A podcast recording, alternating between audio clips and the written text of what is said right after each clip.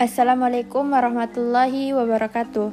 Tahukah teman-teman sekalian, ketika merokok, kita memasukkan 4000 zat berbahaya dan 70 zat pemicu kanker dalam tubuh kita. Selain itu, masih banyak penyakit lainnya yang dapat disebabkan dari merokok, di antaranya serangan jantung, stroke, kerusakan sel otak, dan yang paling parah adalah kematian. Oleh karena itu, angka kematian akibat rokok di dunia mencapai 30% atau setara dengan 17,3 juta orang. Dan mungkin jika masyarakat kurang sadar akan bahayanya merokok, jumlah kematian akan terus bertambah setiap tahunnya. Selain itu, merokok juga menghabiskan uang, membuat polusi, dan merugikan orang-orang di sekitar Anda.